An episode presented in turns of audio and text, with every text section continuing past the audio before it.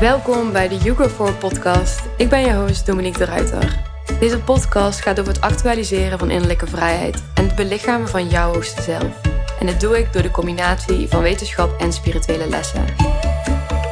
Ik bespreek topics zoals neurowetenschappen, spiritualiteit, holistische gezondheid en persoonlijke ontwikkeling. Deze podcast is voor jou als je een diep verlangen hebt naar innerlijke vrijheid en wil leven vanuit jouw authentieke zijn. Let's begin.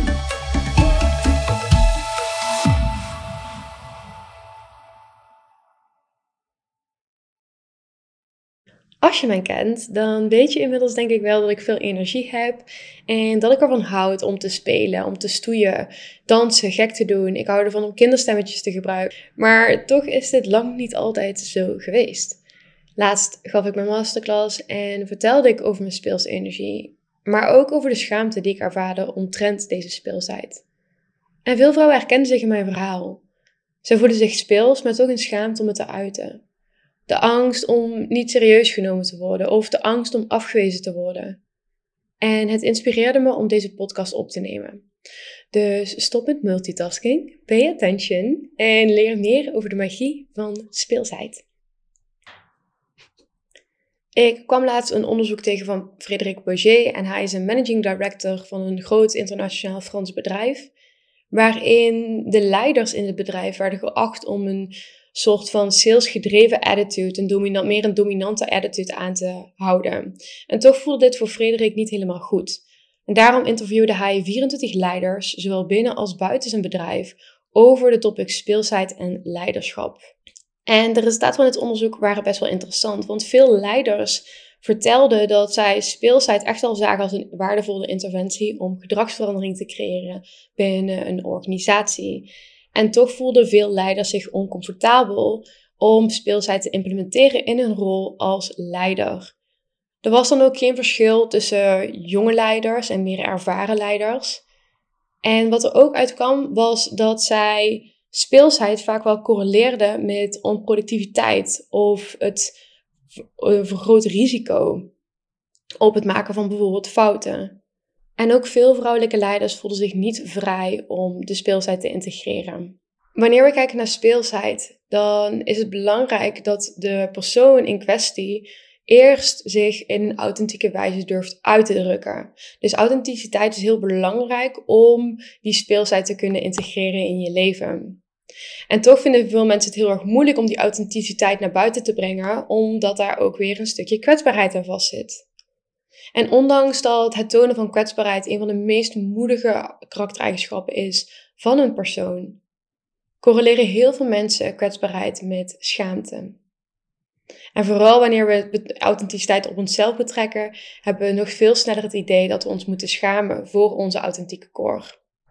Wanneer we spreken over authenticiteit, dan is de binnenwereld, en de binnenwereld daar bedoel ik mee de gedachten, je karaktereigenschappen, je gevoelens, je emoties, je visies, die is in lijn met je buitenwereld, je omgeving, de mensen waarmee je bent, je werk, je hobby's.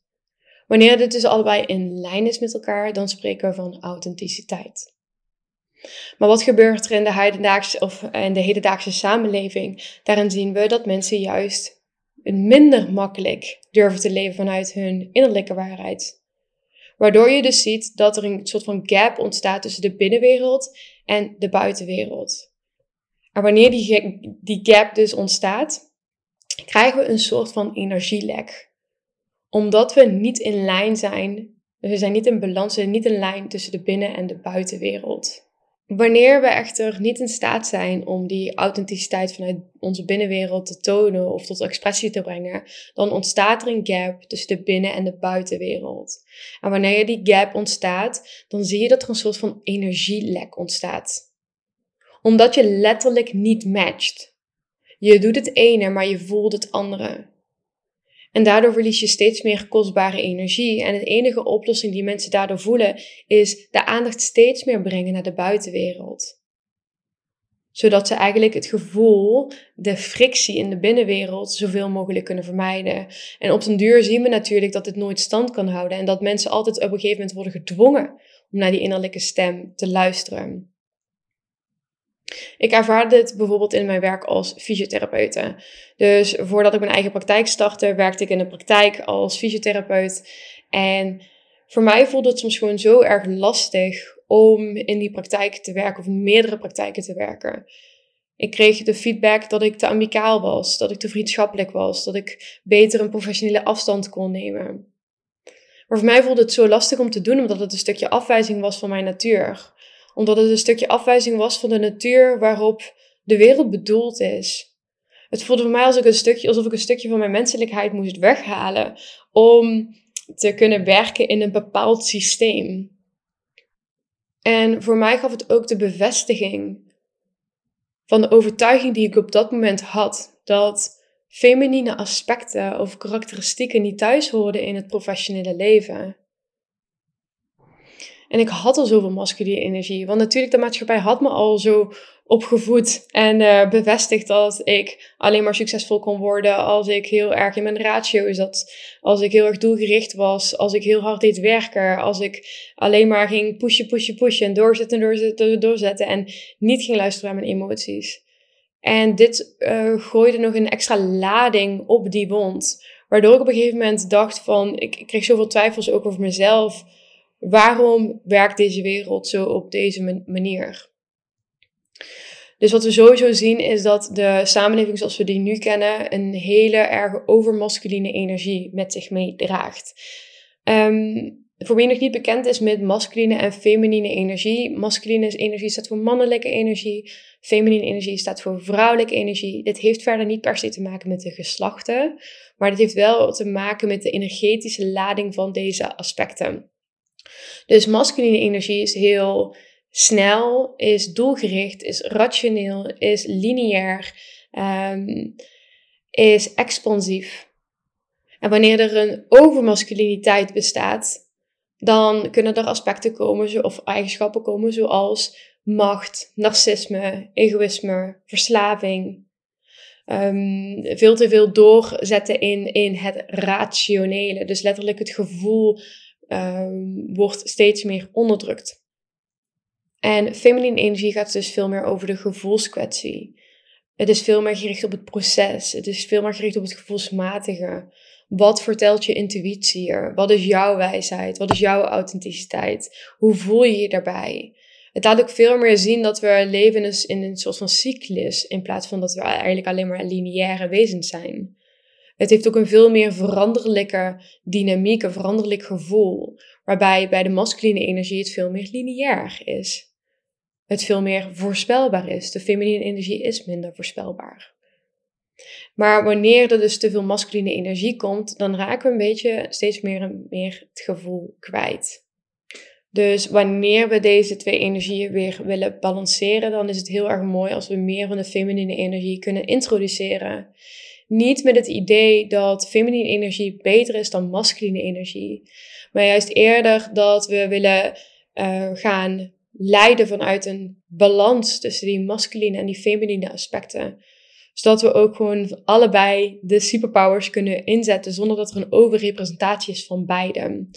En een van de manieren om meer van die feminine aspecten in te brengen in de samenleving is het versterken van die speelsheid. Het introduceren van die speelsheid. Onderzoek laat zien dat speelsheid ervoor zorgt dat je veel meer in verbinding bent met jezelf. Dat je veel meer in verbinding bent met anderen. Het zorgt ervoor dat je meer in staat bent om creatieve oplossingen te bedenken. En het laat ook zien dat je rechter en linker lobus, dus je rechter of hemisfeer, je rechter en linker um, hersenkwabben, hersenhelften, beter met elkaar kunnen communiceren. En in een onderzoek van Proyer uit 2020 laat, uh, laat ze dus ook zien dat speelsheid in volwassenen zorgen voor verbetering van sociale uh, skills, het sociale vermogen, en dat ze daardoor meer diepgaande en authentieke relaties kunnen ontwikkelen. En dit onderzoek laat ook zien dat speelsheid een van de meest verlangde karakteristieken in relaties is. Nog een andere studie van Proyer uit 2018 laat zien dat volwassenen die hoger scoren op de mate van speelsheid, ook hoger scoren op hun fysieke fitheid, hoger scoren op hun hartritmevariatie of hartritmevariabiliteit, ze hebben een lagere hartslag. En ze hebben een actiever leven. Dus wanneer we kijken naar de massale uitval van werknemers op de werkvloer door overspannenheid, door burn-out, depressie, fysieke klachten, is het dan niet waardevol om speelsheid terug te introduceren op de werkvloer? En is het dan niet waardevol om het stigma rondom speelsheid met z'n allen te ontkrachten? Om de overtuigingen die wij hebben over um, speelsheid te veranderen. En ik vroeg me sowieso af, wie heeft de regel überhaupt bedacht dat masculine kwaliteiten meer recht hebben in het professionele leven dan feminine kwaliteiten? I know, het patriarchaat. En in over het patriarchaat ga ik in de volgende podcast nog meer vertellen, want dat is een hele podcast aan zich waard. Maar het laat dus wel zien dat de werkcultuur vooral is gericht op twee zaken. En dat is over het algemeen macht en geld. En het gaat dus ten koste van de welzijn en van de vitaliteit en de mate van geluk bij werknemers, bij werkgevers, maar ook in de maatschappij aan zich. Macht is altijd een resultaat van een overrepresentatie van masculine energie. En die overrepresentatie van die masculine energie kan alleen plaatsvinden wanneer de feminine energie wordt onderdrukt. Want feminine energie is eigenlijk meer je gevaarradar, is meer je moreel kompas, omdat het heel erg te maken heeft met je gevoel. Dus wanneer de samenleving um, veel is gefocust op geld, controle, macht, dan zal het wel die feminine aspecten in de samenleving moeten onderdrukken, want anders kan je daar nooit mee wegkomen. Dus zullen we afspreken dat wij dit paradigma gaan veranderen met z'n allen? Kunnen we afspreken dat we speelsheid niet meer zien als kinderachtig of onprofessioneel of onproductief of dramatisch? Maar dat het eerder het vermogen is om te leiden vanuit gevoel, vanuit creativiteit, vanuit authenticiteit. Zou het niet veel mooier zijn wanneer we weer volledig mens kunnen zijn op het werk? En dan is het ook nog zo dat wanneer je meer kindheid, speelsheid, kinderlijkheid in je leven introduceert, dat je ook veel meer flexibeler gaat worden, creatiever gaat worden. Het is letterlijk een soort van verjongenselixer, zonder dat je daar een pilletje voor moet pakken. Dus het is zo mooi om die speelsheid terug te brengen niet alleen in je professionele leven, maar ook in je privéleven, in alle aspecten van je leven. Wanneer we bijvoorbeeld nog naar een heel ander belangrijk topic kijken, bijvoorbeeld seks, dan zien we ook dat seks um, of seksualiteit een slachtoffer is geworden van het patriarchaat. Waarin we dus eigenlijk een hele overmasculine um, bril, ja, met een hele overmasculine bril kijken naar wat seksualiteit is. Want we zien seks over het algemeen nog steeds als penetratie en dan het liefste penis in vagina. Het is niet voor niets dat de clitoris pas volledig werd behandeld in biologieboeken sinds 2020, 2021. Seks werd vooral gezien op het moment dat een man een vrouw penetreert en op basis daarvan uh, een ejaculatie krijgt. En that's sex. En juist die overmasculine visie op seks maakt dat vrouwen heel vaak worden bestempeld als anorgasmisch. En hiermee wil ik zeggen dat zij dus niet in staat zijn, dat ze niet het vermogen hebben om een orgasme te krijgen. Terwijl in de meeste gevallen het niks te maken heeft met het feit of een vrouw niet het vermogen heeft om een orgasme te krijgen. Maar omdat het de manier waarop wij seks hebben, dus inderdaad als je geluk hebt, een klein beetje voorspel en daarna penetratie, penis en vagina, dat dat niet genoeg is voor een vrouw om een orgasme te bereiken. Daarbij is het ook nog zo dat heel veel mannen steeds meer last hebben van vroegtijdige ejaculatie of een laag seksueel verlangen, pornoverslaving. En dat komt omdat ze enkel zijn gericht op het doel. Ze zijn enkel gericht op ejaculeren, op een orgasme krijgen en daardoor verliezen ze het hele proces. Ze verliezen om te vertragen, om te voelen, om te ervaren. En ze zijn alleen maar bezig met een, een, een doel wat kortstondig heel veel dopamine release en wat heel eventjes fijn is. Dus kunnen we ook een veel meer speelse blik werpen op seksualiteit? Kunnen we seks zien als meer dan alleen maar penetratie? Durven we daarin te experimenteren? Durven we daarin te lachen en te schreeuwen en te huilen? Durven we te wisselen in aanraking? Durven we te experimenteren in stijlen en plekken? En uh, durven we onze fantasieën te uiten? Durven we er gewoon voor elkaar te zijn? Durven in die vertraging te gaan, in het proces te gaan? En het vooral niet allemaal zo fucking serieus te maken. En Sexy Stevens een heel mooi voorbeeld van hoe de mens over het algemeen kijkt naar alle aspecten van het leven. Het moet vooral heel snel, doelgericht en rationeel zijn. En dit is niet meer dan het resultaat van een disbalans tussen de feminine en masculine aspecten. En wanneer we steeds weer die feminine energie afwijzen in onszelf, in onze samenleving, in ons werk, dan verliezen we de helft van waar het leven om gaat. En dat is het voelen, dat is het gevoelsmatige, dat is het ervaren. Dus ik nodig je uit om met meer speelsheid je leven te leiden. Door te experimenteren, te zingen, te dansen, te lachen. Door meer te voelen in plaats van te denken. Door jezelf regelmatig af te vragen: hoe kan ik hier met meer speelsheid naar kijken? Hoe kan ik dit speels aanpakken?